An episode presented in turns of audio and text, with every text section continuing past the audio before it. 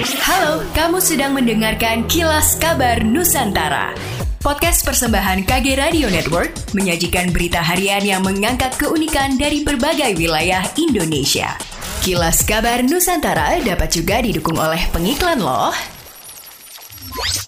Gubernur Sumatera Selatan Herman Deru mengatakan persentase angka kekerdilan anak atau stunting di daerah ini dari tahun ke tahun terus mengalami penurunan, yakni dari sebelumnya 28,4 persen menjadi 18 persen. Deru menjelaskan berbicara soal stunting khususnya di Kabupaten Oki, sebelumnya merupakan salah satu kabupaten di Sumsel dengan angka stunting terburuk. Namun saat ini masuk sebagai kabupaten dengan angka terbaik dan hampir mendekati angka nasional. Hal ini merupakan kerjasama semua pihak mulai dari Dinas Kesehatan, Dinas Pendidikan, pendidikan, dinas sosial, dan sebagainya dalam mengendalikan dan menanggulangi kasus stunting tersebut. Menyinggung soal Puri Center and Foundation merupakan perjuangan almarhum Haji Perjalanan Puri dari tahun 2019 rutin melaksanakan sunatan massal dan penyuluhan stunting.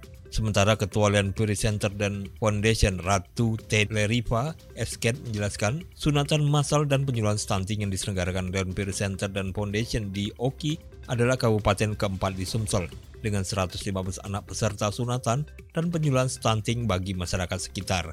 Turut hadir dalam kegiatan itu Wakil Bupati Oki HM Jafar Sodik, Ketua Kormi Sumsel Haji Samantan Tibani, Ketua Takmir Masjid Al-Aiza Ustadz Kiai Haji Solihin Asibuhan. Indeks Pembangunan Manusia atau IPM Kota Pontianak tahun 2022 menduduki peringkat teratas dari kabupaten atau kota di Provinsi Kalimantan Barat dengan nilai 80,48. Nilai ini naik dibandingkan tahun 2021 lalu yang menyentuh angka 79,93 dan tahun 2020 pada 79,44.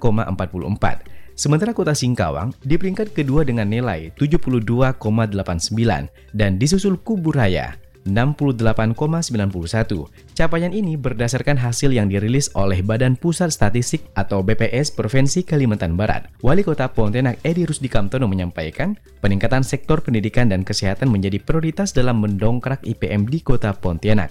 Selain itu, sahabat Sonora, pemerintah kota Pontianak terus berupaya memaksimalkan kedua bidang ini dalam meningkatkan IPM di kota Pontianak. Ia optimis target IPM dengan nilai 81,30 yang tertuang dalam RPJMD 2024 bisa tercapai.